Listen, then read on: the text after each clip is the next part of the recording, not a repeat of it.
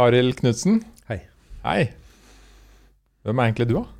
Hvem jeg er, ja. Ja. Nei, jeg jobber i Foreningen for human narkotikapolitikk. Kjemper eh, mot krigen mot narkotika. Er, eh, jeg har fått fire barn og lever som samboer. Og, mm. Du kjemper mot krigen mot narkotika. Ja. Ikke sant? Mm. Det er jo det som er liksom essensen i hvert fall det jeg driver med. Ja. Mm. Og jeg leste jo, har jo lest om deg, og ikke sant, du har jo starta og er med, har du starta, Foreningen for uh, human narkotikapolitikk. Ja. Ja, ja, ja. Vi var med på stiftelsesmøte og Ja. fant på navn og Ja. Mm. Uh, fortell litt om hva dere jobber med, da, og hvordan, hvordan dere jobber. Foreningen for human narkotikapolitikk eh, det er jo en brukerorganisasjon og en interesseorganisasjon og en medlemsorganisasjon som er eh, 15 år, som kjemper for skadereduksjon, bedre substitusjonsbehandling og mot kriminalisering og for eh, statlig regulering. Mm. Mm. Veldig bra. Men vi jobber med veldig mye mer også, for vi sitter jo eh, Per dags dato så sitter vi noen og 30 eh, råd og utvalg.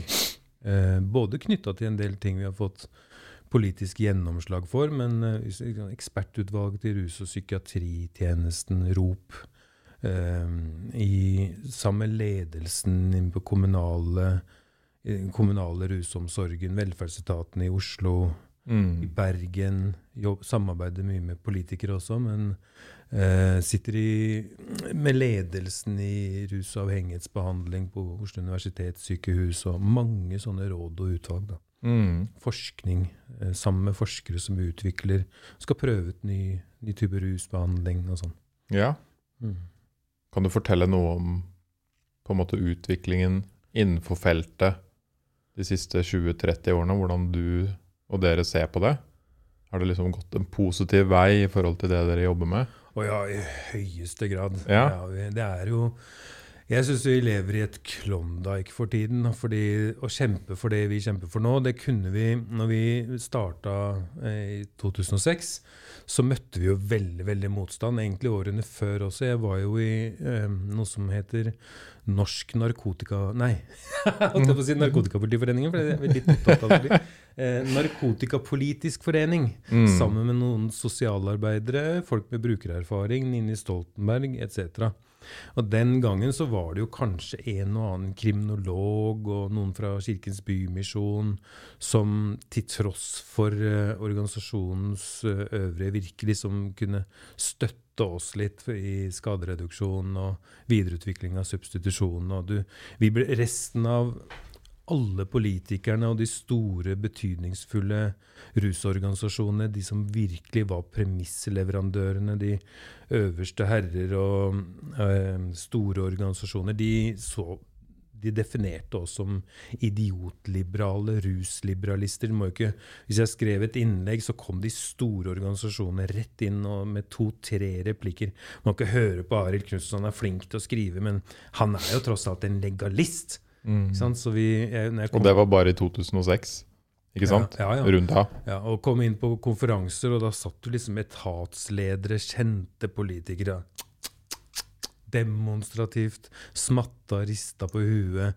Stelte seg i flokk og prata mens jeg sto litt for meg sjøl ved kaffemaskina i gangen. Ikke sant? Vi var litt sånn outcasts, da. Mm. Mens nå så, eh, så har vi jo vekket en hel befolkning. Altså det er jo et jo, Hele samfunnet er veldig opptatt av uh, ruspolitikken. Både når det gjelder hvordan man behandler uh, samfunnets vanskeligst stilte, rusavhengige, men også sårbare. Og hvordan Ja, rusreformen. Mm. Rusreformen er jo alle opptatt av. Vi har fått en regjering som har fremmet uh, avkriminalisering av narkotika. Men når var det det her begynte å endre seg? Var det sånn over 15-16 år, eller var det liksom Så du noen sånne milepæler underveis? På en måte så virker det som vi var et bakvendtland når vi kom inn, men faktisk er det jo slik at allerede i 2004 så hadde vi jo rusreformen. Jeg mener at eh, 90-tallet så var vi eh, før de fleste andre land når det kom til skadereduksjon. Forsøk med metadon. Eh, så skadereduksjon og substitusjonsbehandling er jo det som har åpna opp for en annen måte å tenke på. Da. Det var jo veldig veldig kontroversielt den gangen, og mange som har virkelig tatt en støyt Mm. for å få det innført. Eh, så i 2004 så fikk jo rusavhengige pasientrettigheter. Mm. Og 2005, og det betydde at vi skulle få nasjonal legemiddelassistert rehabilitering. Det skulle være et nasjonalt program, så enhver heroin- eller opiatavhengig skal kunne få substitusjonsbehandling. Og flere og flere fikk det, og i 2005 så kom sprøyterommet. Og det var i di- diskusjonen om sprøyterommet som vi var med i Narkotikapolitisk forening, som, eh, som gjorde at da møtte vi Folk snakket på vegne av brukerne for å hindre at sprøyterommet skulle komme opp, og for å hindre at sprøyterommet skulle fortsette. Så en evig kamp i årevis for å få det nedlagt igjen. Og på vegne av eh, rusmisbrukerne, som de kalte det, så skulle de ha eh, helt forferdelige aldersgrenser på legemiddelassistert rehabilitering. Og det er eh, rusfrihet. vet Du Du blir rusa metadon. vet Du Du er ikke rein, du er ikke clean. Du, ja, den slags. Da. da skjønte vi at vi trengte en større organisasjon og prøve å bygge det opp til en arbeidsplass. og da det var det som gjorde at vi starta Foreningen for human narkotikapolitikk. Mm. Så bra. Og det er jo utrolig fint å høre at det har vært en stor forandring da, de siste 20 årene.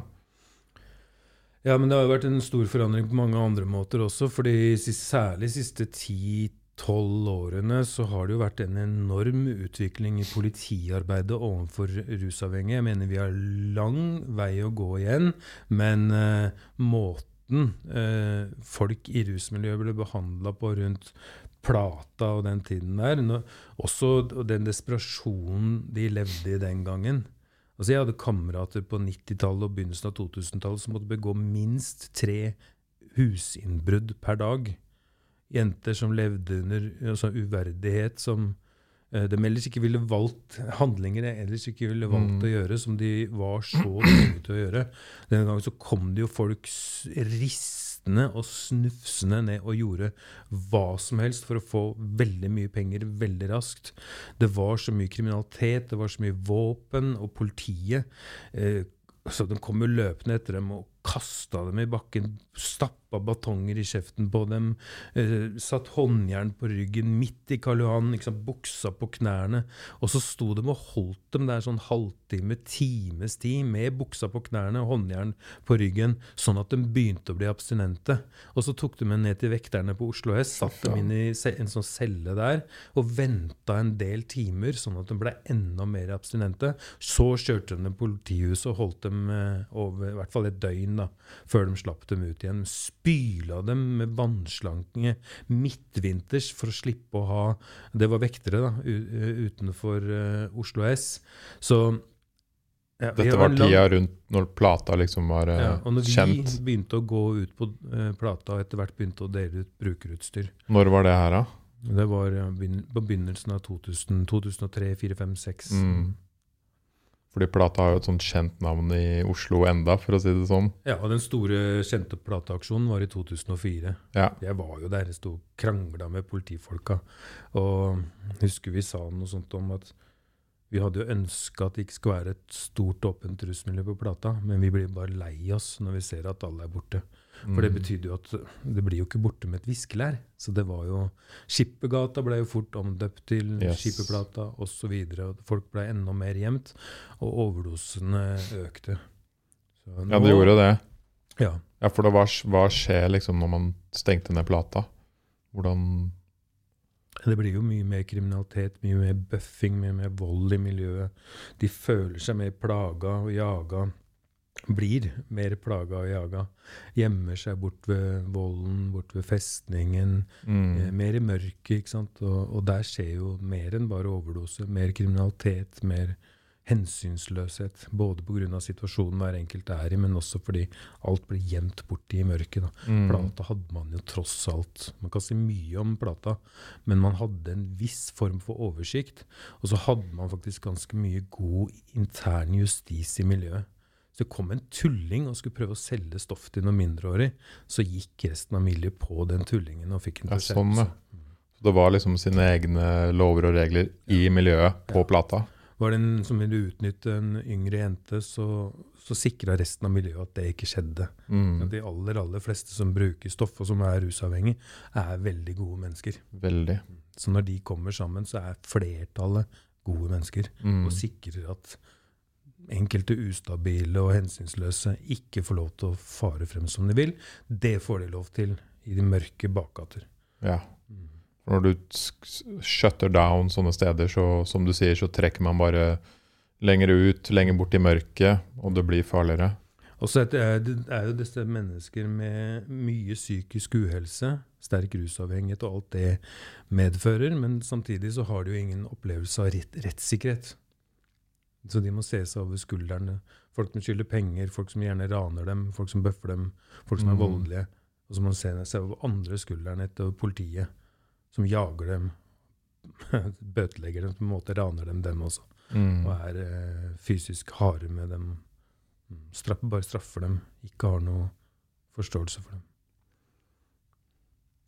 Ja, det er trist å tenke på at de som på en måte allerede har det så tungt i livet, og har vært gjennom så mye eh, triste, uheldige og kjipe ting, skal få det enda verre.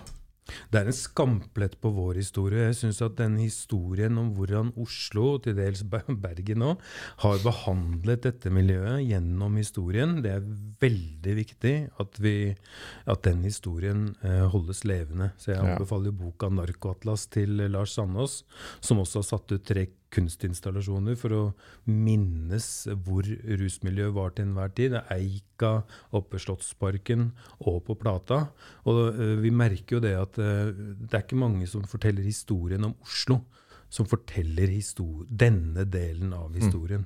Så det, det, det, skal de ikke få lov til å viske ut. Mm. Fordi det er, Oslo er jo byen med varmt hjerte og kald skulder. Og det Mm. er liksom ikke så greit å opprettholde bruken av den kalde skulderen. Og det, det jeg tror det er veldig mye å lære da, av hvordan et vel, velferdssamfunn i fredstid kan eh, komme dit at eh, svært sårbare mennesker som hvor mange er blitt utsatt for utrolig mye, kan bli behandla så forferdelig dårlig som man, har blitt, som man har gjort. Til enhver tid så sitter jo politikere i ledelsen i Oslo som sier at vi driver ikke med jaging nå. Hvem er deres forbilder? Jo, det er jo politikerne som var i de samme partier, og som satt i de samme posisjoner for veldig, ikke så lenge siden. Så de vil jo ikke helt gå med at det skjedde jaging den gangen heller.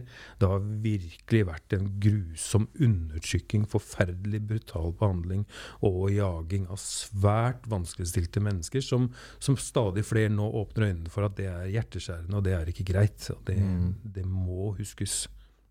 Hvordan var det de gikk fram for å liksom skru, skru av plata? De sa fra på forhånd. Det var ikke så Selve plateaksjonen var Nei. ikke så drøy, fordi de gikk ned og sa at eh, i morgen, hvis vi ser deg da, så tar vi deg. tar vi deg skikkelig. Så Mm. får du en ordentlig klekkelig bot. Så det gikk jo fort ut i miljøet. Det. Så neste dag så var det jo så kom politikerne ned med politilederen. Se! Mm. Se, så fint! Men eh, de tok jo ikke med kamerafolka opp i Skippergata eller bort til festningen eller Fordi Skippergata er det vel noe mer Altså, har det flytta dit? Ikke nå, nå er det jo Storgata Bruk. Storgata, mener jeg. Mm. Storgata. Mm. Hausmanns gate, Mm. sidegatene, parkene rundt her. Mm. Vi sitter jo litt midt oppi det. Vi gjør egentlig det. Ja.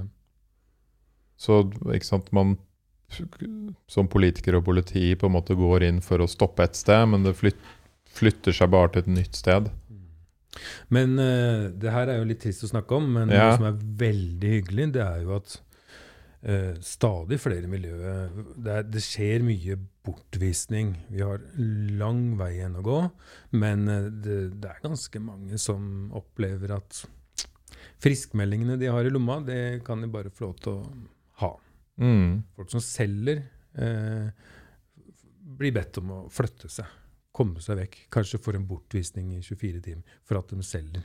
Ok, Det- Ja, Så det skjer på veldig mange områder. Så til og med på en måte dealerne får nesten Det er litt Ja. sånn som rettsapparatet. ikke sant? Rettsapparatet i disse dager uh, foretar en eh, radikal omlegging av straffepolitikken når det kommer til uh, bruk av stoffer, fordi de har sett at, at flertallet av lovgiverne er imot at man skal straffe i hvert fall rusavhengige. Mm.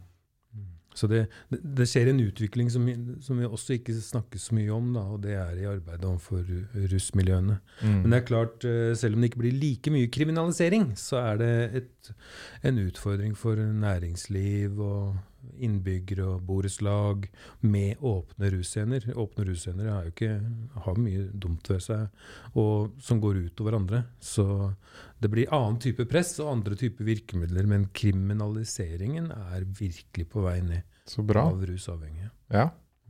Hva tror du på sikt kan være på en måte noen løsninger på det her? Det er jo hyggelig å snakke om. Hyggeligere. Hva kan liksom, hvordan kan vi hjelpe disse miljøene bedre? Og hva er noen verktøy eller måter man kan uh, Ja. Uh, ja, nei, for det første så, så har vi kjempa noen år nå for uh, et utendørs værested for rusmiljø. Vi har kjempa en del for innendørs værested også, og det burde vi ha hatt mer av. Men Mm. når man kommer inn, så er man jo klient med faglige, rusfaglige, sosialfaglige på Kirkens Bymisjon, Frelsesarmeen, eh, i kommunen. Men man er jo egentlig den man er, og det, man er en del av et miljø av en grunn, og det skjer ting der som jo skjer. Så for at det skal gå utover færrest mulig, og at det ikke skal være så forferdelig å være i rusmiljøet, så tenker vi at da må man få et avgrenset uteområde med litt grann, ikke, ikke pakka inn, men litt sånn vegger, sånn at det blir et skille mellom der hvor folk flest og rusavhengige ferdes, og der eh, folk i rusmiljø møtes og gjør det Mm. de gjør. Det har de gjort i Århus i Danmark. Kalles Nåleparken. Det hadde ikke slått like godt an her i. Bergen. Men, eh, og Bergen har opprettet et sånt sted. Det, det, det er for tidlig å komme noen forskning på resultatene, men de er veldig positive og Mm. fornøyde. Både i rusmiljøet og i, apparatet og i kommunen og hos politiet. Hva sier rusmiljøet i Bergen om det? Hvordan, du, du møter jo dem, og du Ja, men Det er klart de har det mye bedre nå Ja. eh, Ja. enn når de sto i den forferdelige undergangen. Der var det mørkt. Der skjedde det mye mer umoskheter. Nå så har de en Det er klart folk reagerte med en gang. Noen syntes det så ut som en barnehage, for det er litt sånn farget pastellfarger og litt sånn rare installasjoner og litt sånn ikke tett nok skur å sitte i så vinden blåste gjennom. Så ble det litt reaksjoner. Og de som ikke syntes det så ut som en barnehage, de syntes det så ut som en fengselsgård. Ja. Men altså, etter hvert så har det blitt mye mer akseptert. da. Det er veldig ålreit. De vet at de får være i fred så lenge de blir respektert, så respekterer jo de tilbake. ikke sant? Mm. Så, og folk som bor rundt der, de kunne jo ikke gå eh, mot byen uten å gå under den undergangen, som er under en veldig trafikkert vei. da. Eh, og da måtte de jo omtrent brøyte seg fram. Det var, det var skummelt. Det var, eh, det, var, ja, det var ikke noe artig. Å gå gjennom med barnevogn, det var bråk. Mens nå så er det liksom fri ferdsel for enhver. Og det er det jo for rusavhengige også. Altså De også liker å kunne gå hvor de vil og være trygg. Men, så dette er ikke sånn at én plass for rusavhengige, én plass for andre, men en plass spesifikt hvor de kan møtes og være det miljøet de er. Mm. Når man er så støttet som man er som rusavhengig, så har man veldig behov for å ha et sted å chille sammen med venner. Likesinnede. Mm. Men det andre er jo selvfølgelig Men før du går dit, er det noe sånn sted man kunne sett for seg i Oslo? Jeg har foreslått Elgsletta. Ja. Ja, fordi det er, det er like ved legevakta. Det er mellom legevakta og Prinsen mottakssenter. Mm. Der hvor sprøyteluka er i sentrum, der hvor brukerrommet er, eh, feltpleie, overnatting etc. Eh, så er det jo midt imellom der hvor det er et åpent rusmiljø i Urtegata utenfor Frelsesarmeen, og rusmiljø i Storgata, Brugata. Mm. Og når med en gang det blir tørt på gresset, så setter alle de seg på Elgsletta. Og så blir det litt krangel. nå, her er det sprøyter, her er det narkomane Hvor ligger Elgsletta igjen, da? Det er eh, Skal jeg bare sjekke mens vi sitter. Hausmanns gate Ja. med Røde Kors Ja. Rett over elva på brua der så er det en sånn fin park, og så er det en elgstatue. Ja, det er der, ja. Så Der er det jo trafikkmaskin, der elva er mellom næringslivet og parken. Så det kan umulig gå utover beboere, næringsliv, noen ting. Men bør organiseres bedre enn at det bare plutselig sitter klynger med folk der med en gang været blir godt. da. Ikke sant? Det er et sånt samlingssted allerede. at Når eh, koronarestriksjonene først kom, så gikk eh, Frelsesarmeen ut med en buss der og sto og delte ut brukerutstyr og informasjon og mat og drikke og sånn. Så det er allerede et belasta område som går utover Skaper mye fremmedfrykt og usikkerhet og redsel, og folk tør ikke å gå den veien og sånn. Men når du organiserer det, så får man gjort det mye tryggere og bedre for alle. Og det, det demper jo konfliktnivået mellom rusmiljø og øvrige innbyggere. Det er nettopp det med at når du respekterer folk, så respekterer de veldig gjerne tilbake. Mm. Virker som at jeg går jo forbi deg hele tiden. Og det er der det er sånn liten tre, utetreningspark og volleyballbane. Ja, det er jo sånn, Volleyballbanen den er ikke mye brukt. Nei, nei, men det er der. Ja, Mm. Treningsbanen er satt opp for at det skal komme andre typer miljøer. Yes. Så, som om ikke rusavhengige og stoffbrukere trener. Ikke sant? Så ja. Eh, en annen ting er jo at vi må få lavterskelsubstitusjon, altså mye mer smidighet i tilbudet av eh, alternativer til ulovlige stoffer. da. Hva, hvordan typer da?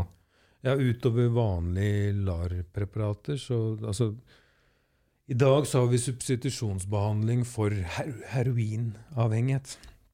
Og vi tilbyr metadon og Subutex, som ikke gir noen type eufori, lindring av situasjonen, men som metter sånn at du holder deg langt unna å ha abstinens. Mm. Det passer for en del, men ikke for alle. Så de når fram til ca. halvparten av Så det demper, på en måte? Ja. Ja, det, Det- det, det- det gir i hvert fall du slipper, du slipper å bli abstinent. Ikke sant? Og så stimulerer du en del reseptorer som Men litt sånn forsiktig, da. Det blir litt sånn, Du ligger litt flatt. Hvis her er abstinens, og her er overdose, så ligger du litt sånn her. Ja. Men når du går på heroin, så får du sånne topper. Det går opp og ned gjennom hele døgnet. Og her oppe mot farenivå, da, her er jo rusen. Mm. Her er lindringa. Her er det du virkelig trakter etter. Så når du går fra heroin til metadon og Subutex, så går du fra disse toppene som du er ute etter hele tida, til å ligge sånn cirka over. Mm. Det er flatt. Så det funker jo veldig bra. For, For noen. Ja, når- Eller halvparten er jo ganske bra. Ja, ja, det når Ja. fram til ca. halvparten, og så fungerer en tredjedel av de veldig godt. En tredjedel sånn noenlunde, mens en tredjedel fortsatt sliter ganske alvorlig med rusmidler, kriminalitet og livet. Mm. Hva er disse andre Ja, men først så tenker vi at for snart denne uken så, så fikk de aller første i Norge en lovlig injeksjon med heroin på Habio-klinikken i Oslo. Så det er veldig få ennå, men de tre første satte seg ned og injiserte den første lovlige dosen med diacetylmorfin. Dette er et femårig prosjekt som skal hjelpe opp til 200 i Oslo og opp til 100 i Bergen, som også veldig snart kommer i gang. Eh, og det er helt fantastisk. Jeg har allerede begynt å tikke inn meldinger, eh, både med takk, men også at det er en helt annen verden. Mm. Vi tilbyr institusjon, ikke sant? eh, rusfrihet, avrusing. Prøv nå på buprenorfin og se om du kan holde deg Alt er liksom etter systemets eh, holdninger. Du må tilpasse deg. Og så i år etter år etter år så kan de ikke ta imot, vil ikke ta imot, for det er noe annet de bare må ha, som har vært avhengig av i år etter år. Mm. Og nå kommer de nå på en klinikk og opplever ingen type moralisme. Og det de alltid har jaga fra alle gode tilbud og dårlige og alt, nå får de det. Rett og slett som Trygt. lovlig medisin. Ikke sant? Så den krana har vært stengt i over 100 år. Wow. Nå har ikke vi lenger et totalforbud mot heroin. Men det er jo for noen få, da. Vi trenger også andre opiatmedisiner for de som ikke fungerer i LAR. Mm. Men før vi går dit, hvordan For det første så er det sikkert da mye renere det de får.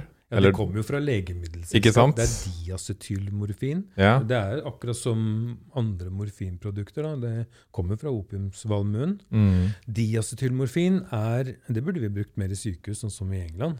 Eh, heroin det er, det er et morfinmolekyl, og så er det to acetylmolekyler per morfinmolekyl, som gjør at morfinmolekylet kommer fortere gjennom fettmembranen. Så vosj, så får Mm. du en sånn rush som gir en ekstra dimensjon av en følelse første halvtimen.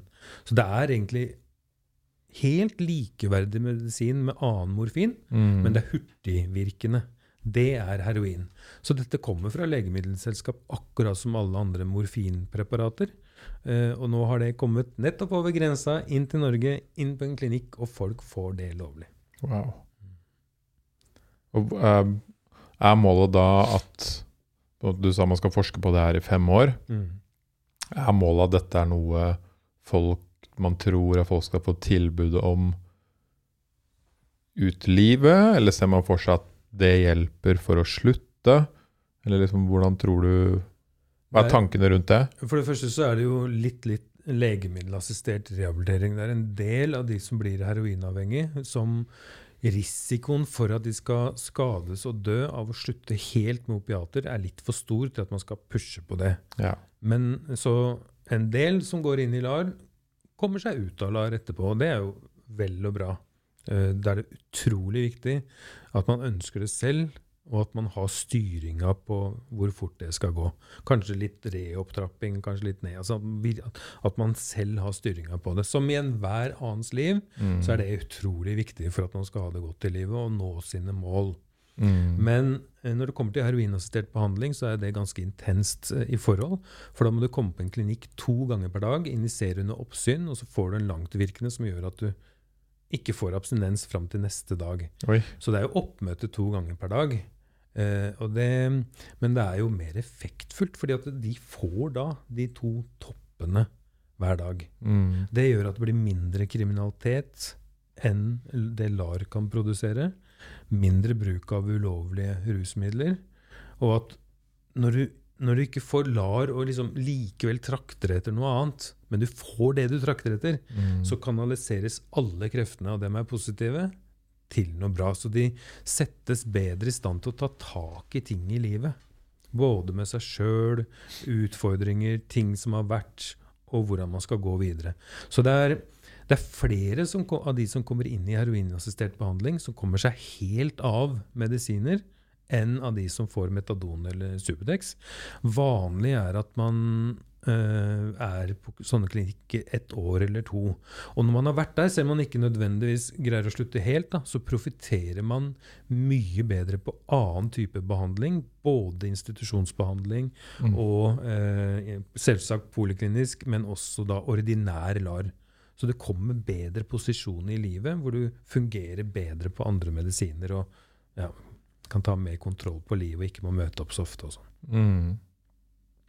Så bra de har starta med det i Norge nå. Ja, det er helt uh, Jeg har gått med sånn Det har, bobla i kroppen min i tre dager nå. Det har det. Ja. Brusa. Dette er noe vi har kjempa for så lenge. Jeg sitter og tenker på alle brukerne som har vært med å kjempe for det. Kamerater i rusmiljøet som har stilt opp på TV 2 ikke sant, og sagt vi må ha dette her, det redder liv, folk kommer til å dø Mm. hvis vi ikke får det. Og så har de jo gått ut i livet sitt i Brugata og Ja. skulle hente litt for å fikse til andre, og bare sitte sju stykker oppe i leiligheten. Jaha, skulle prøve å være arbeidsløs nå? Mm. Skal du ta fra oss hele markedet? Så, ikke sant? Folk har fått problemer da, med å være med og kjempe for dette. her, Og noen politikere, eh, Torvald Stoltenberg, Ninni Stoltenberg, Ola Elvestuen, eh, Mathilde Tybring-Gjedde, Trine Skei Grande altså Jeg kan begynne å ramle, jeg sitter og tenker på det hele tiden. At det er, Det er en utrolig kamp som eh, vi ikke helt så lyset i enden av tunnelen på før, men virkelig likevel sto på, Mm. som eh, nå faktisk er kronet med seier. Og når heroin blir lovlig, så har det enorme konsekvenser. Det er jo ikke sånn at du og jeg skal skaffe oss det, men sånn ville det jo ikke vært med lovlig heroin uansett. Nei. Det skal forskrives, og det skal forskrives til visse indikasjoner. Men i Sveits, da, i Zürich, når de begynte med heroinassistert behandling der, kan du tenke deg motstanden. Ja. Det er jo ikke mer heroin vi trenger, det er mindre heroin vi trenger. Mm. Det er jo heroin som er problemet, og den slags. Og hvorfor skal jeg slutte med heroin? Når jeg veit at bare jeg blir avhengig nok og bruker det lenge nok, så får jeg det gratis staten. Sånn type motstand. Så begynte det med Zürich. Tok det seks år så gikk rekrutteringa til heroin ned med 82,3 Oi. Fra 850 nye injiserende heroinbrukere i året til 150. Og forskerne skjønte jo ingenting. Hvordan i verden kan dette ha seg? Og så gikk de inn og så på denne utilsiktede konsekvensen.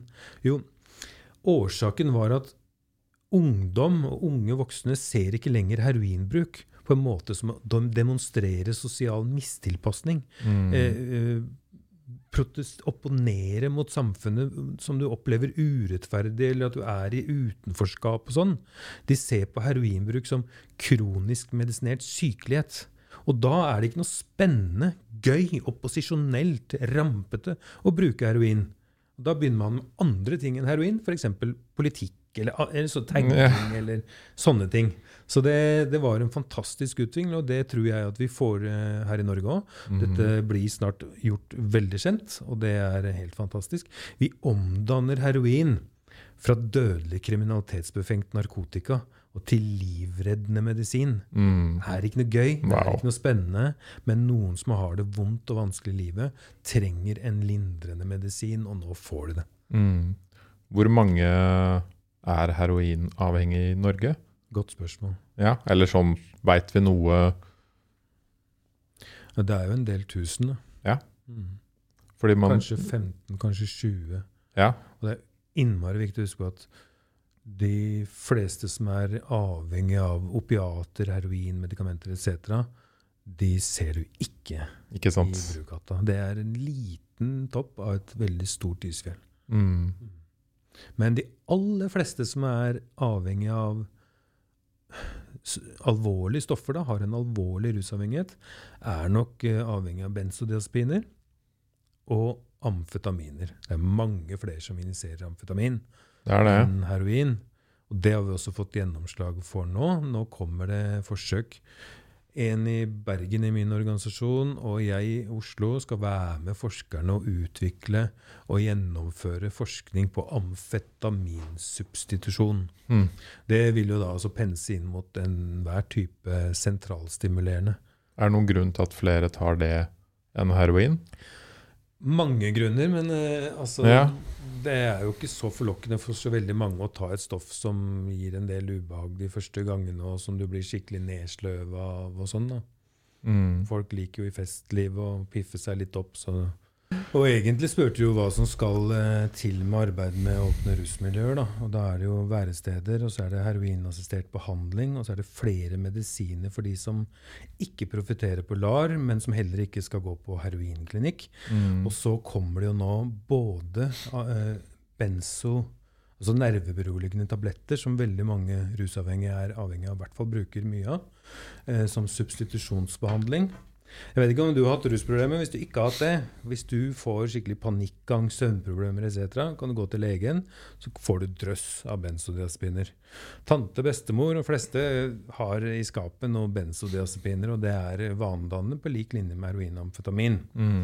Men jeg som har, i, eh, har vært i rusbehandling, er liksom, har det i papirene, journalene, jeg får ikke sånt.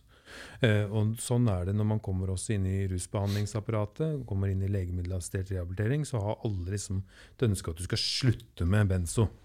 Mens eh, nå kommer da benzo som substitusjonsbehandling, og amfetamin som substitusjonsbehandling. Mm. Det er utrolig viktig. Og da kan jo mange begynne å lure. Amfetamin, hvis du har vært borti det, Det der som lukter så kjemikalier, det er pulver, folk blir grisespeeda, Mm. kriminelle og gjør mye, masse rart. Og folk dør jo av det. Det er forferdelig vanedannende. Eh, vanedannende på den måten at hvis du går på heroin, så får du abstinenser hvis du ikke tar det igjen. Med amfetamin så er det ikke sånn. Alle slutter jo med amfetamin, men den greier ikke å ikke begynne igjen. Den avhengigheten har vært litt for kronglete til Mm. at forskere og fagfolk egentlig har forstått hva det der er, og blitt utsatt for mye mer type moralisering. Da. Men folk blir veldig avhengig av det, dør av det. Så skal vi gi det lovlig. Lovlig amfetamin. Amfetamin som er Men det er jo ikke Akkurat som heroin og andre stoffer, det er ikke stoffet eller substansen som er problemet. Det er, må, det er måten det kommer i, og politikken rundt, som er problemet. Så amfetamin er jo ADHD-medisin. Anbefalt av helsemyndighetene at 3-4% av barna i vårt samfunn skal gå på til enhver tid. Så uskadelig er amfetamin når det kommer i sin rette form. Så nå kommer eh, en endring som gjør at du ikke må ha ADHD, men amfetaminavhengighet eh, i seg selv gjør at du, da kan du få amfetamintabletter, altså ADHD-medisin, slik at du slipper å ikke måtte begynne igjen på amfetamin. For det første så er jo dette noe som er helt absurd, at det ikke kom før metadon og sånn. For det er flere som er avhengig av amfetamin enn av heroin. Eh, det har ikke like mange overdoser, men folk dør av det også. Fører til like mye kriminalitet. Like mye skada helsemessig, økonomisk og sosialt som av heroin. Og så er det ikke vanedannende. Fordi ulovlig amfetamin det er så potent.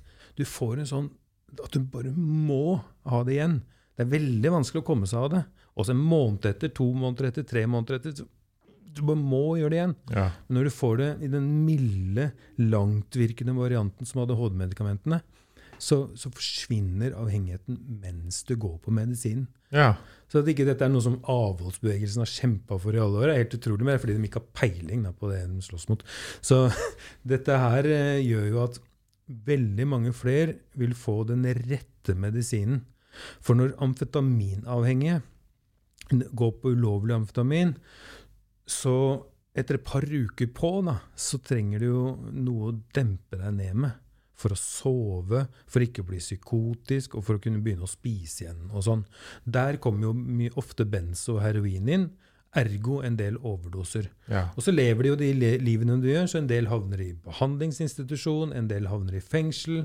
Og så prøver de ditt og datt og igjen, og du vil ikke ha noe, da. Og da er løsningen legemiddelassistert rehabilitering. Det gir deg rett til tannbehandling, skikkelig sånn ansvarsgruppe som hjelper deg med bolig, hjelper deg i livet. Da virkelig får du noe, og så får du i hvert fall noe som gir deg noe påvirkning. Så hvis du sitter i fengsel i tre måneder og er rusavhengig, så kommer, vil du ha buprenorfin. Så vil du ha noe. ja. På den måten så skaper vi eh, opiatavhengige av benzo, de som egentlig er benzo- og amfetaminavhengige. Så nå kommer rusbehandlingen til å bli utrolig mye bedre, for den blir treffsikker. Man får det stoffet man egentlig er avhengig av, som man egentlig trenger til å fungere best, som mest retter seg mot at det blir mindre kriminalitet, mindre sånn at avhengigheten får deg til å gjøre ting du ellers egentlig ikke ville ha gjort. Mm. Eh, opiater går jo mange på for livet, mens dette er kanskje en behandling hvor du kan leve helt vanlig, ikke inne på en klinikk og sånn, og kanskje et år eller to, og så kan du bare kutte ut hvis du da ikke har ADHD og trenger medisiner eh, fremover. da. Dette kommer til å revolusjonere norsk rusbehandling, sette Norge i førersetet sånn sett. Og der hvor vi har sett at i mellomstore byer så har jo legemiddelassistert rehabilitering eh, vært så effektivt, noen steder har den vært ganske greie, slik at heroinmarkedet har blitt borte i den byen. Der har jo amfetaminmarkedet tatt over. ja. Så dette er noe som virkelig kan, uten å være stygg mot noen, løse opp eh, åpne rusmiljøer og sette folk i stand til å leve gode, verdig, normale liv. Så det, det kommer nå snart, det også. Så det, det skjer veldig mye spennende for tiden. Og, Mm. og det vil jo helt sikkert I hvert fall hvis det blir tilgjengelig nok, da. Eh, og eh, lite moralistisk nok kunne være noe som gjør at det vi kjenner som åpne rusmiljøer i dag, og den livssituasjonen folk lever i, med 15-20 år kortere levetid, levetid enn normalbefolkningen, 10 år kortere levetid enn kreftbefolkningen, eh, at det kanskje begynner å bli noe vi ser tilbake på og gremmes om ikke så veldig lenge. Mm. De fem neste årene kommer det til å skje veldig mye bra. Mm. Og en del av det er jo en del av det vi kaller rusreformen. Ja. Mm. Og det er jo fordi vi har fått skadereduksjon, substitusjonsbehandling, vi har fått gode politikere, det er blitt topp politisk tema. Store politikere og etter hvert de store partiene som i hvert fall er med på en del av dette her, som gjør at vi nå er i en uh, rivende utvikling. Og uh, med høy medieprofil så ser vi også at altså den holdningsendringen som er i ferd med å skje, som holder på nå i samfunnet, Altså, det er helt rått. Det er helt utrolig. Det må jo Mm. få enhver sosialantropolog til å heve øyenbrynene, spisse pennene og følge med. For det er så spennende hva som kan skje i holdninger til en sånn problemstilling, en sånn gruppe mennesker, eh, i løpet av ganske kort tid. Veldig, veldig bra. Det er godt å høre. Uh, og sikkert spesielt for deg som har jobba og kjempa så mye for det her i mange år. Ja, jeg er så utrolig heldig. Jeg har jo overlevd noen harde runder sjøl. Så Ja. jeg sitter her i dag Vil du fortelle om det? Altså, du Ja, Det er jo litt mye å si om det, men, nei, men altså, jeg har jo hatt uh, store rusproblemer i perioder av livet. Perioder av livet så har jeg vært ganske ivrig rekreasjonsbruker. mm, Mm, men uh, jeg har ikke rusproblemer i dag og har det greit. Så det er jo litt sånn tilbakelagt, da, men det har vært ganske tøffe runder. Mm. Ja. Og folk er jo ikke greie mot folk som får rusproblemer. Nei. For det har jeg litt lyst til å høre litt mer om dine tanker rundt det, da. Um, hvorfor blir man rusavhengig?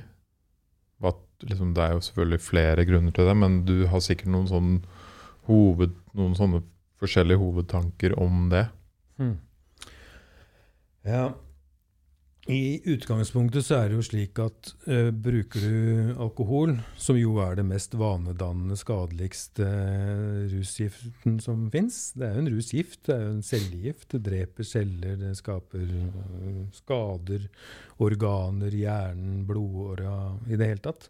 Men når man trakter til alkohol, da, så, så er det for å være en del av fellesskapet inn, innenfor, inkludert, eh, riktig, korrekt. Det er veldig sånn sosialt Ja. mm, Mens eh, Og veldig vanskelig å på en måte ikke gjøre det for Da er du jo litt rar, ikke sant? Ja. Ja. Jeg har jo vært på, i store selskaper og organisasjoner, og vært på julebord og, eller store middager, etikkseminarer og landskonferanser i type andre typer eh, organisasjoner i vårt samfunn. Og det hvis du holder Nei takk. Å? Eh, har du barn? Kjører du bil?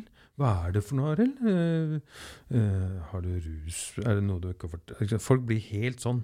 Helt De blir stressa av Ja, at man sier nei, Ja. av at du sier nei til en Helt krasj, og det blir sånn ukorrekt. Så da er du ikke som alle andre. Det er klart, når du, i hvert fall fram til nå, da, hvordan samfunnet har vært, når du da trakter til noe annet, så er det ofte en grunn til det. Og det er eh, nok veldig ofte at man har opplevd hvor eh, idioter folk kan bli av, i alkoholrus.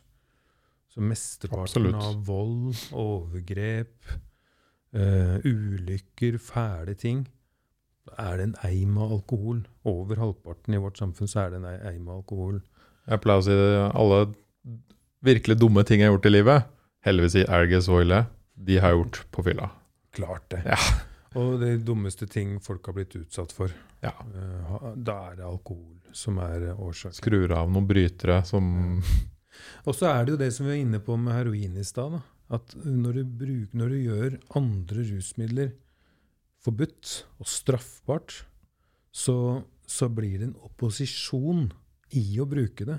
mm, Hvis du føler deg veldig urettferdig behandla, veldig satt utenfor, eh, marginalisert av andre, ikke forstått, så, så er det jo så digg å kunne ta igjen mot samfunnet, men du er jo ikke slem av den grunn. Og så når du bryter narkotikalovgivningen, så gir du en sånn finger til eh, resten av samfunnet. Ganske dårlig moral i resten av samfunnet uten å få dårlig samvittighet, for du gjør jo ingenting galt. Du bare tar et rusmiddel som mest sannsynlig er langt mindre skadelig enn alkohol. Og eh, der er det jo også et miljø knytta rundt, så lenge det er sånn som det er. Mm. Man får tilhørighet, man blir noen. Man til og med et hierarki man lett kan komme opp og være på toppen av. For folk som eh, lever i utenforskap, føler seg utstøtt, så er jo det helt fantastisk. Det er en sånn dimensjon som gjør at ikke nødvendigvis rusen og rusmidlene, men det er det alt det sosiale du får. Så det er veldig mange folk som er sårbare, som trekkes mot bruk av ulovlige stoffer. Og det er jo på sett og vis Det er mye rundt stoffene som trekker deg til å bli det. Og ø, rusmidler er fysisk og psykisk smertestillende. Så, sånn, jeg vet ikke Når en med problemer i livet f.eks. tar heroin, så får man jo en Eller morfin. eh, Så får man en lindring av den situasjonen man er i. Kanskje et friminutt fra et mentalt helvete. Mm. Eh, man, med amfetamin og andre stoffer så hjelper det å justere følelseslivet sånn som du vil. Det samler tankene i et kaos. Du føler du får kontroll. Det er jo ikke folk flest. Trenger ikke det.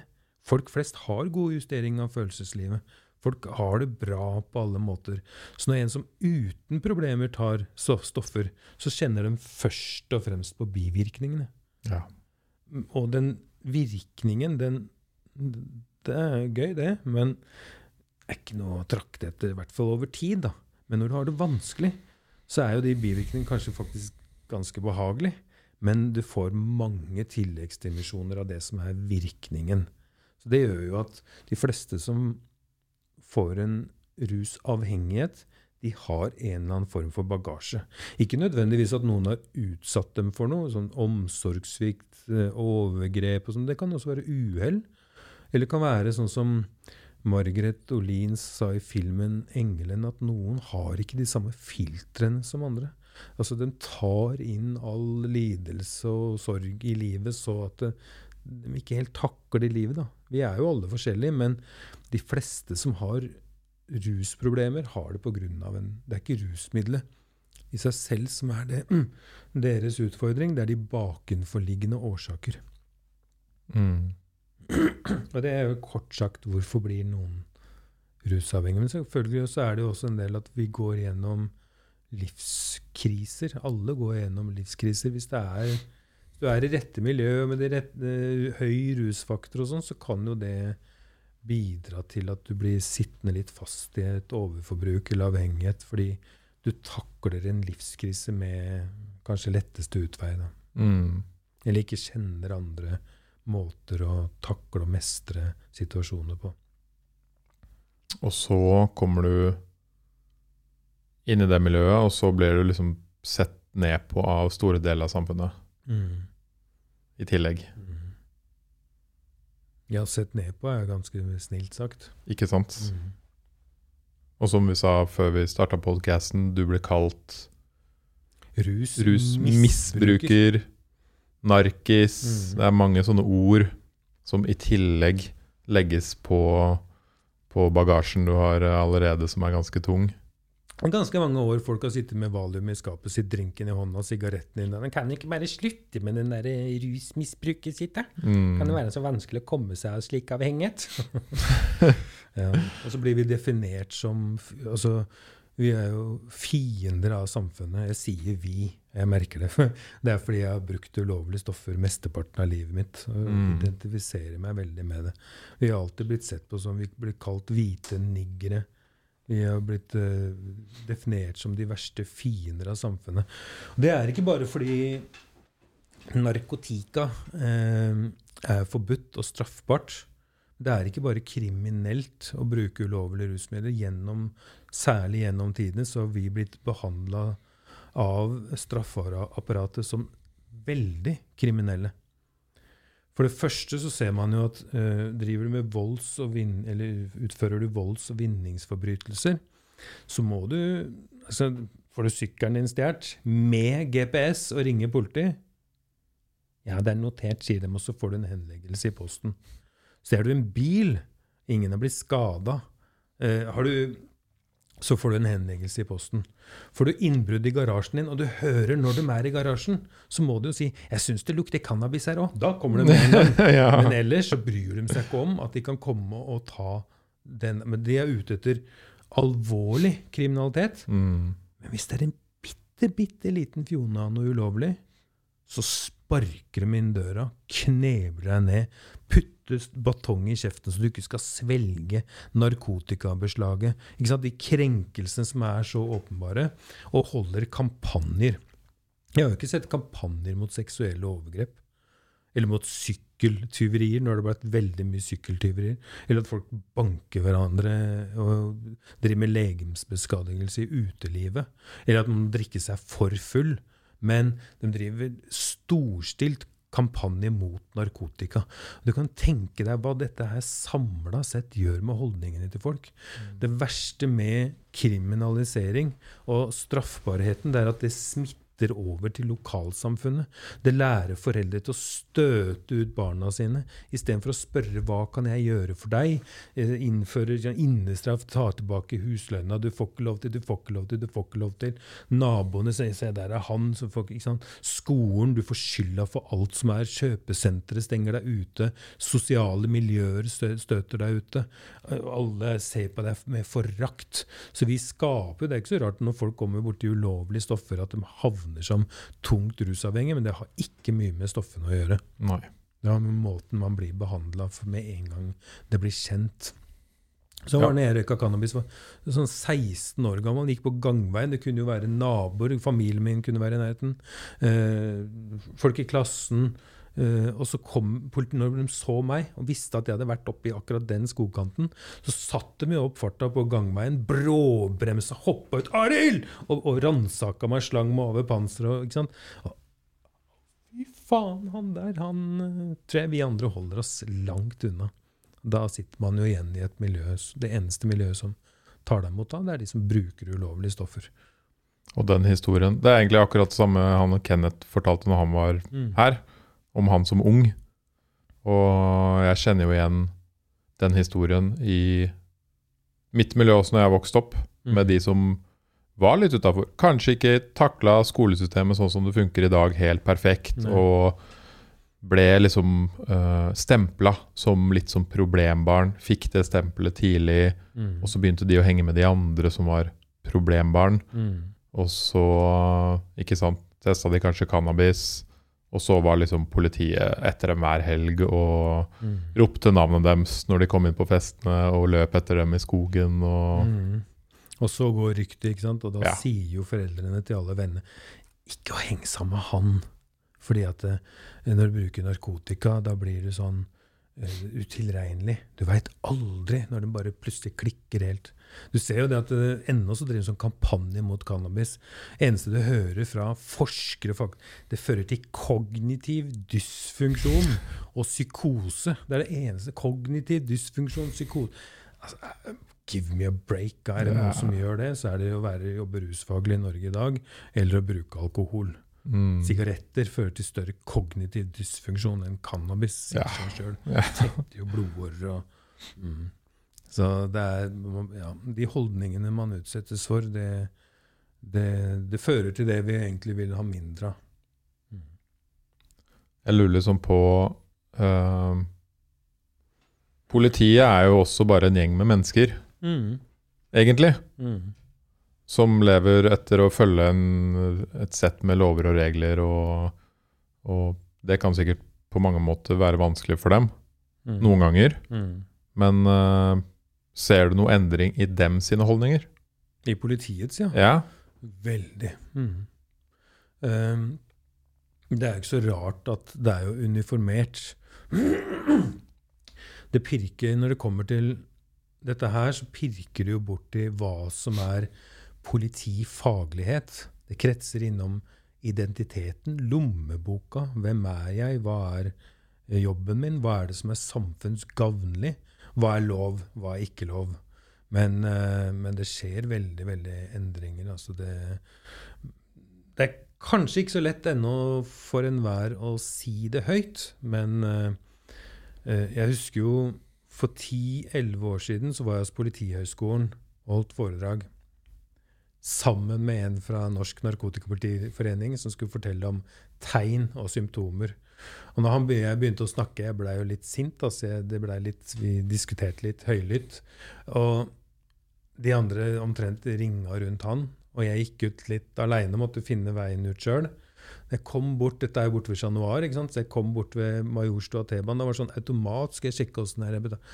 Da er det en som hadde gått etter meg hele veien. Du, det var veldig bra det du sa der i sted. Jeg er egentlig enig. Og så smatt den over veien og ble borte. Pilte av gårde. Mens jeg var der nå for eh, to eller tre år siden og holdt foredrag og fikk så gode spørsmål. De fikk omtrent trampeapplaus. De sto i gruppe på vei ut uh, for å takke meg og, og, fortsette diskusjonen, og at de var veldig glad for den utviklinga som skjer nå. Det, så jeg ble utrolig oppmuntra av det. Men også samarbeid med politiet i forhold til uh, arbeid mot åpne russcener og sånn. Det, det, altså, det, er, det, har skjedd en holdningsutvikling og en endring av praksis der som nok er litt underkommunisert. Altså, fordi ja. vi, vi er jo fortsatt forbanna. Ja. Det er fortsatt politibilder der nede. Det er fortsatt bortvisninger. Det er fortsatt politisk målsetting om at vi må jo ikke godta narkosalg og rusmisbrukere og sprøytere. Det er sånn litt, men de jobber Men hvordan politiet har endra seg under det rammeverket de er satt under, det er helt fantastisk. Altså. Så det, det, skjer veldig veldig mye. Også i forbindelse med værestedforslaget. Mm. Jeg foreslo tror det var i begynnelsen av 2018 fikk veldig mye motstand av en del politiledere. Så satt de seg inn og så på dette her, og så kom de samme politifolkene. Nja, kanskje ikke så dumt å prøve allikevel. Så var det politikerne som sto i veien for at vi fikk flertall, men det var ikke politiet. Mm.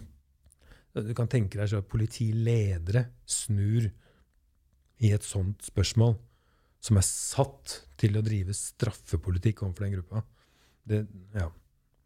Det skjer en enorm utvikling i vårt samfunn på rusfeltet som bare peker mot en lys og fin uh, framtid. Mm. Og det jeg mente med at de også er mennesker som har levd mange år som politi i et vanskelig system og kanskje vanskelige lover og regler å forholde seg til. Til slutt blir du jo lei av å gå og stoppe og ransake og dra ned buksa og fram, fram batongen på folk som allerede har det veldig kjipt i livet. Jeg skulle ønske du hadde rett i dem, og det har du jo sånn delvis. Ja, delvis. Ja, men altså Håper jeg. Det lovverket her har vært veldig verdsatt av uh, alle, omtrent. Helt fram til ganske nylig. Mm. Så, men selvfølgelig at de er jo bare folk i politiet også. Det er jo ikke noe meningsfullt. Det er jo ikke fint. Uh, så, du kommer ikke hjem og har det godt på natta når du har jobba med det en dag? Jeg tror ikke går hjem og skryter til kona vet hva jeg har gjort i dag. Ja. Men, men, likevel så har det vært så utrolig politisk korrekt. Så virkelig samfunnsgagnlig at det har vært en boost inn i politiet for å få eh, bedre stillinger. For å vise deg fram for sjefen. Kom med en full fyr som nesten rakk voldta Nei, jeg har vært full, jeg òg. Har vel mm. dumma oss litt ut, vi også. Ikke sant? Men når det kommer de der, de andre, og narkotika fra Arabia og det, er ikke, ikke sant? Det, det, det, er ganske mye holdninger det penser borti. Det har vært en karriereboost, ikke bare i politiet, også i politikken. Ja. Det har vært mange år hvor en del Jeg har sett en del politikere som jeg har tenkt at dem har jo ikke så enormt samfunnsansvar. De har ikke markert seg på noe spesielt område, men så har de gått straff i rusmisbrukere, kriminaliser prostitusjon og alt det der, og så har du sett dem har fått en kjempe Fordi det, det har vært veldig sånn korrekthet over det, som har gjort og gitt dem en kjempeboost. en sånn, Blitt sånn moralsk overlegne. da. Og sånn har det vært både i politikken, men først og fremst i politiet. Det er jo derfor det er så fantastisk at vi ser den utviklinga ja. vi ser i dag. Fordi nå er det ikke Det er nok ikke aller artigste politioppgavene du får. Det er nok ikke de som har jobbet lenge i politiet, som blir satt til akkurat uh, å plage folk som bruker I hvert fall det åpne rusmiljøer, da. Men uh, ellers i landet, uten i distriktene, så er det jo fortsatt sånn, dessverre, at det er Du ser jo det på Twitter. De skryter at de finner Ja. fordrukne folk som egentlig trenger helsehjelp, eller hjelpes hjem. Hvis det er noe annet enn alkohol, så er det rett på eh, blodprøver og inn på glattcella og straff. Men eh, ja, vi er i en utvikling. Dette greiene rundt den politiskandalen, hva var det som Hadde det noe å si for den utviklingen?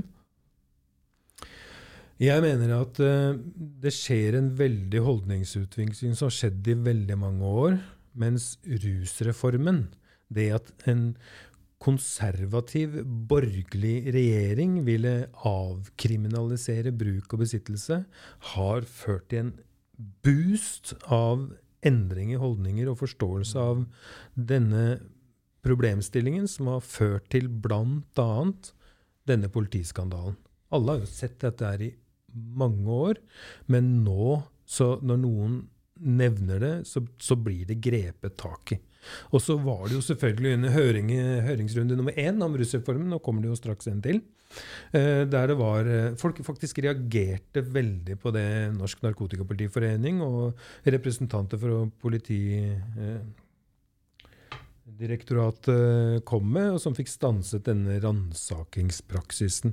Det også når Riksadvokaten stanset det, tok det til granskning, gjorde at veldig mange var, Hva er dette her? Og så begynte å se dem inn i kortene.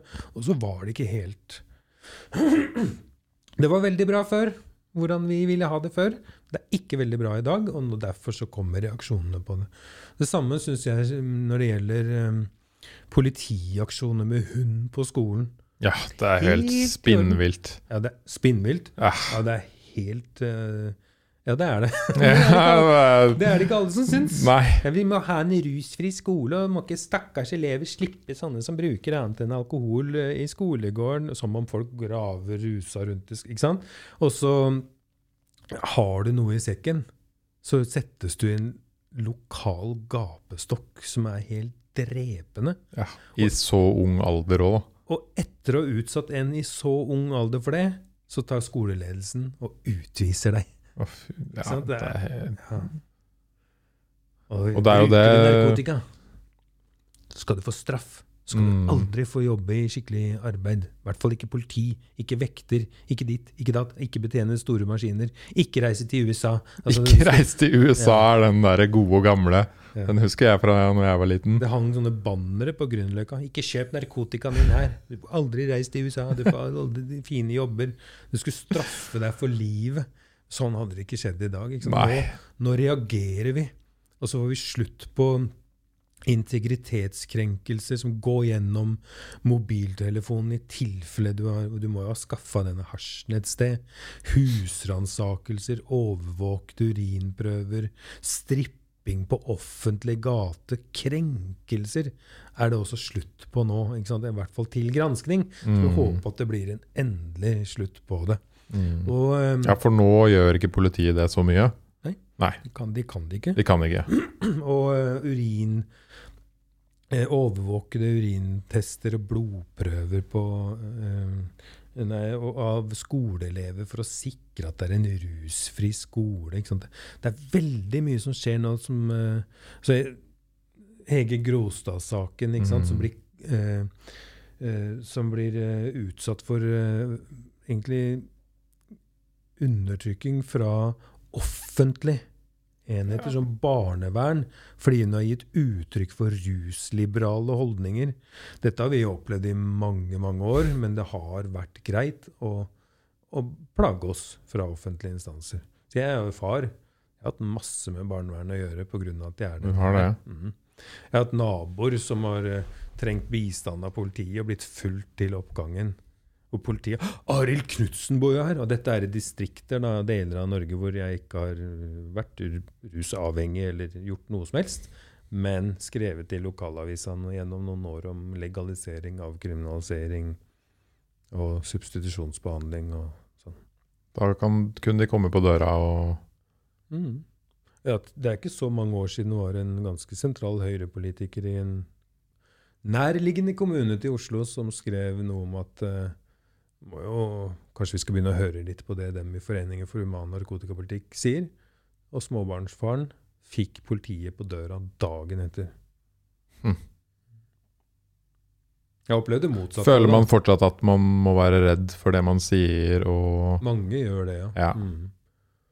burde de gjøre det av en god grunn? Nei, det mener jeg ikke. Nei. Nei. Det har moralen og egentlig lovverk og alt på sin side. Så det som er fint nå, er at vi lever i et godt samfunn som er i utgangspunktet veldig, veldig bra. Så man går inn og ser i kortene på dette, så ser man at det er ikke sånn vi skal gjøre. Og nå er det blitt satt veldig uh, søkelyset på det. Mm. Og sånn som siste jeg har opplevd med politiet, når jeg havna på kjøret, jeg havna skikkelig på kjøret som leder i Forening for human narkotikapolitikk, masse i TV, aviser og overalt. Og så dundra jeg ned, ble skikkelig sliten, initierende stoffbruker, gikk ned Brugata ett om natta eller noe sånt. Er det ikke noen som har noe god speed her, da? Jo, jo, jeg har Og så kom det to stykker fra hjørnet og skulle ta oss.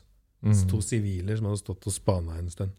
Og så kommer de nærmere, og så sier han 'Å, faen, det er han!' Og så snudde de ikke en annen vei. Alle sto på led. Jeg husker jo ikke dette, men jeg ble fortalt i ettertid. Så jeg jo stå på krava. Mm. Virkelig. Hva tror du nå Det er jo litt spennende å høre hva du tror kommer til å skje videre da, med rusreformen.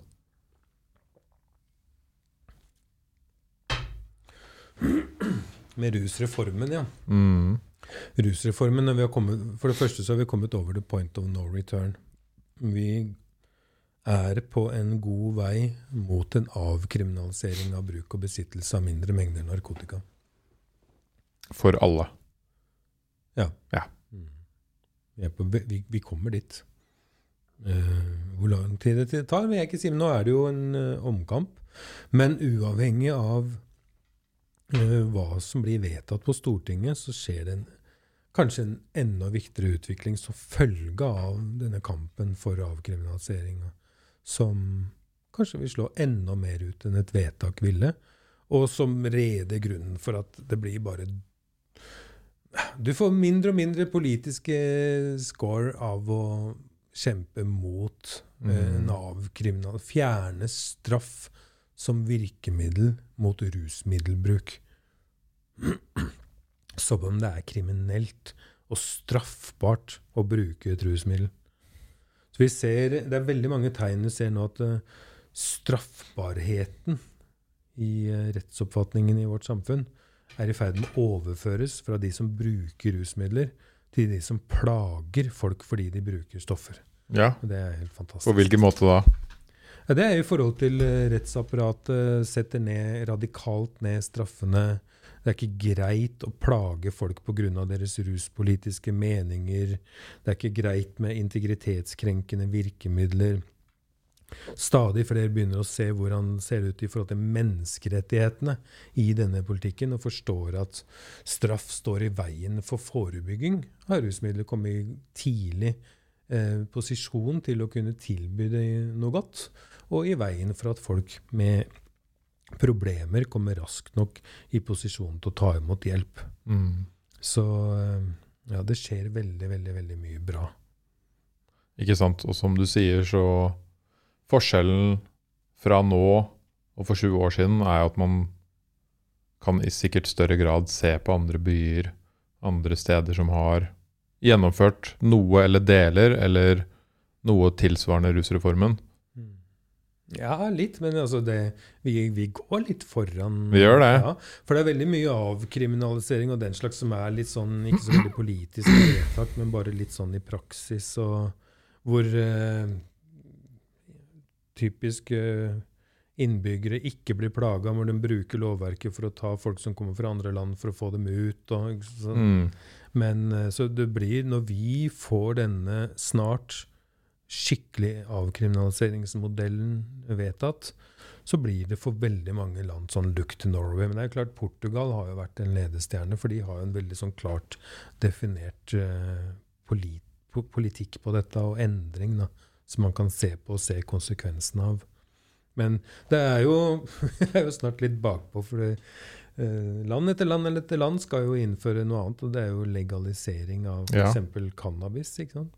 Jeg mener vi ligger veldig foran når det kommer til substitusjonsbehandling med det som skjer nå, mens det med legalisering av cannabis blir veldig veldig spennende framover, særlig med tanke på at Tyskland, med sine Yes. noen og 80 millioner innbyggere, med den tyngden de har i EU, som eh, storpolitisk nasjon i Europa nå skal legalisere og innføre fornuftige restriksjoner som er eh, sammenlignbare med det man kan forvente i Norge. Det er spennende. Så vi kan Canada se på, som har forskjellige regions, nei, eh, reguleringsmodeller, og dette er mye mer sammenlignbart enn enn i som markedsliberalistiske USA, som skaper legaliseringsmodell hvor alle kan bare kjøpe hva de vil, og de, sterke konsentrasjoner i godterilignende pakker. Og, s- de skaper jo problemer. Men jeg, sånn fri markedsliberalisme eller fri flyt på det illegale markedet er ikke bra. Så det som passer veldig godt i Norge, det er en fornuftig, streng regulering. Akkurat som alkohol. Og det vil nå Tyskland innføre, og da kommer det til å se veldig veldig dumt ut at vi fortsetter å opprettholde forbudet mot cannabis. Mm. Hvor mange år er det til dette skjer, Arild? Hva tror du? I Norge Ja. ja, Jeg håper det er lovlig innen fem år. Ja. Mm. Men først må det avkriminaliseres. Da, fordi, Yes. Og det gjelder jo, det er jo Dette her henger jo ikke helt sammen. Mange ser på avkriminalisering som et skritt i retning legalisering, og det henger jo ikke på greip. Avkriminalisering dreier seg om å behandle eh, hvordan vi reagerer på bruk av ulovlige rusmidler, eller ulovlig anskaffede rusmidler. Så det er jo helt gjeldende. Du kan jo eh, legalisere, sånn som i Tyskland, da, så kan du legalisere cannabis, men fortsatt straffe folk som har skaffa cannabis på en annen måte. Eller som, ikke, som har fått tak i av noen som har kjøpt det lovlig. Så du kan jo fortsatt drive og kriminalisere på den måten vi gjør Mhm. i Norge, selv om noe blir legalisert. Så mange misforstått eh, avkriminalisering som en retning liberalisering, som i ytterste stans blir legalisering. Alle skal bare gå rundt og være helt dopa. Altså, folk har så merkelig bilde av dette her, men det her er egentlig to veldig forskjellige spor som ikke har noe særlig med hverandre, og som står i forhold til hverandre. Mm. Og det som er interessant oppi det her, er jo Det er jo en sånn forskning som mange ofte snakker om, og som du sa i stad, som har prøvd å se på hvilke stoffer som er skadeligst. Alkohol og cannabis og sopp og LSD og amfetamin og heroin og Det er jo ganske utrolig at det rusmiddelet vi får kjøpt i butikken og på Vinmonopolet, er en av de mest skadelige for deg selv og samfunnet. Ja, det er vel det mest skadelige. Det mest skadelige. Som sammenligner med at det er ulovlig, og de andre er forbudt. Og hvor langt, langt ned LSD, MDMA, cannabis og sånn kommer i forhold til alkohol. Ja. Både i forhold til hvordan det eh, eventuell skade på seg sjøl, må man si da. Eh, eventuell skade på Eller sånn går utover noen andre. Og eh, eventuell mulighet for avhengighet. Mm. Så alkohol er jo skikkelig, skikkelig vanedannende. Det er rart ikke folk liksom går opp på Blå Kors og ser det slik. Se hva alkohol kan føre til! De må aldri prøve det! Da skal vi plage deg i lang tid, så du aldri finner på det igjen. Men det er jo det som er så vanskelig med det, og det kan jeg jo helt 100 ærlig si personlig òg. Det er så mange sosiale settinger som er kobla mot at du skal drikke alkohol. Ja, Det sitter så dypt inn i liksom Barnebursdager, dåp, konfirmasjon, alt mulig. familiesamlinger. Det er jo ikke jul. Det er påske. Fredag. Det er jo Mm. ikke da du egentlig skal virkelig sette barna i sentrum, som det heter seg. Det er alkoholen som settes i sentrum med sånne anledninger. Mm. Dåp. Dåp. Konfirmasjon. Skal vi gå og drikke litt dåp? Julaften. Å, barna skal få pakke! så, Men han må jo få den akevitten. Han blir jo litt morsom etter den fjerde. Ikke sant? De har, ja, det, er, eh, det står så sterkt, det der. Men du har jo sett, det her kan vi få en enorm endring. Det er ikke så lenge siden jeg var i familieselskap hvor en tante i familien ble æreskjelt av resten av familien fordi hun hadde glemt å ta allergitablettene sine, slik at de som røykte sigaretter, ble tvunget ut på verandaen. Hadde, hadde en tante i familien i dag tent opp sigaretten sammen med en, ba- en barnefamilie, så hadde de liksom blitt æreskjelt av resten av Ikke familien. sant? Og den typen endring syns jeg vi skulle fått for alkohol òg. Folk må gjerne bruke alkohol, og gjerne i sosiale settinger. Men på samme måte som med innendørs røyking før, så er det litt sånn gjerne la det gå utover andre og dominere alt, uavhengig av hva folk egentlig vil. Her kan vi nok få en veldig, veldig positiv utvikling, ikke minst med hensyn til barn og unge. Mm. Uten at vi skal plage noen. Vi plager jo ingen med røyk heller. Nei. Altså, det var jo ikke noe kriminalisering og straffing og integritetskrenkelse, men, men innenfor et legalt system så har vi fått helt gode, gode, gode holdningsendringer og radikal nedgang i bruken. Mens cannabis har vært forbudt, og fortsatt Yes. bare fortsatt å brukt mer og mer. Ja. Hvordan er bruken av cannabis i Norge? Vet du noe om det? Det tror jeg ikke det er noen som vet, men det er jo, det er jo, det er jo man, Kvartparten prøver i, i Norge og halvparten i store byer, og det er utbredt overalt. Alle kjenner noen, og alle veit om noen, og enhver kan få tak i det på ti minutter. Det er veldig, veldig utbredt. Ekstremt. Ja, jeg føler blant unge, jeg er ikke så ung lenger, 33, der er det for så vidt Alle veit hva cannabis er, Mm. og at det er mindre skadelig, og at du Og hvor de får det. Hvor raskt Hvor du får det, ja. Mm. Ikke sant? For, hvor du kan få brunt, hvor du kan få grønt. Mm. Hvem som er bra. Ikke sant? Hva det koster. Mm. Hvilket forskjellig Det finnes jo masse forskjellig utstyr for å bruke det nå. Ja, ja. ja. Vaporizers, alt mulig. Mm. Nei, men jeg syns du har eh, Det er veldig, som vi sa før vi starta podcasten, det er kult å møte deg. Jeg har jo sett navnet ditt rundt omkring, og du kjemper jo for en så utrolig god sak. For en gjeng med mennesker som virkelig trenger det. Ja, men det var hyggelig sagt av deg. Ja. Det er veldig, veldig viktig politikk. Viktigste menneskerettighetskampen vi kan ta i Norge, det er å ta en kamp mot krigen mot narkotika. Det er straff og forbud. Er de to virkemidlene som ikke er kunnskapsbasert, og som ikke lenger er i tråd med våre holdninger i vårt samfunn, og der vi virkelig må gå videre og erstatte den fremgangsmåten og lære mer og mer om eh, de gode alternativene til straff og forbud. Mm. Hvis man ønsker å støtte arbeidet deres, kan man gjøre det på noen måte? Ja, vi har laga en sånn Vipps-greie, men først og fremst medlemmer. Vi er Ja. glad i medlemmer. Vi er ikke noe, jeg er ikke noe flink til det. Eh, Du må bare si hva det heter, og hvor man skal Men vi er litt sånn Vi driver ikke så veldig sånn og steller oss på stands og 'meld deg inn hos oss' og sånn, fordi Nei. vi får en sånn jevn sånn økning av medlemmer Mm. basert på jobben vi gjør. Og så det det syns jeg er veldig hyggelig. da. Så hvis folk verdsetter jobben vår, så er det hyggelig om de melder seg inn og støtter kampen på en eller annen måte. Mm. Dere har vel en nettside? fon.no. Yes. Det er enkelt å huske. Mm. Så da føler jeg at uh, for de som hører og har lyst til å støtte kampen, så er jo det et bra sted å starte. Mm. Det er lett å huske FHN. ja, Det høres nesten ut som FHM, men den siste bokstaven har ikke like mange sexy bein, så det må kappe av den ene. Og så har du også vært med å utvikle Er lik Oslo, har du ikke det? Ja, det har jeg. Mm. Det er vel også en fin måte når du å kjøpe det på gata? Ja, absolutt. eh, veldig. For, og jeg liker Oslo er eh, Det er et så fantastisk bra tilbud som etter hvert har blitt er lik kaffe og sånn også. Ja. det kommer i den verste desperasjon eh, ja, rundt i Norge. da. Altså, det er jo Sorgenfri, og det er Virkelig, og det er mange typer magasiner hvor folk kan gå istedenfor å sånn, sette seg ned og tigge til en underdanig 'tusen takk' og til en likeverdig, bare hyggelig. De steller seg opp med et verdig magasin. ikke sant? Glansa, godt, god journalistikk i bladet. Så det er så flott, det bladet Jeg liker Mm. Oslo. Så hvis du går til København, så får du Hus forbi, som er en sånn sliten avis som går i første søppelbøtte. Her får du et ettertrakta, glanset magasin med skikkelig gode artikler. Og det, det liksom, Jeg liker Oslo burde jo fått sånn kiropraktorpris. Ma, tenk deg hvordan de løfter ryggen til folk. Mm. Retter seg opp ryggen. Mm. Og så er det den selvbildet, og så får de jo ikke offentlig støtte.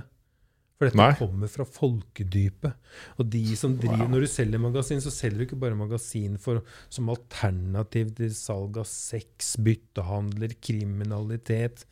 Du, du er med på å opprettholde er lik Oslo som tilbud. For det er det som er inntektskilden deres. Så det er lik Oslo burde ha hatt sånn to-tre ganger høyere opplag, men de har jo et opplag som gjør at de har holdt på nå i 16 år.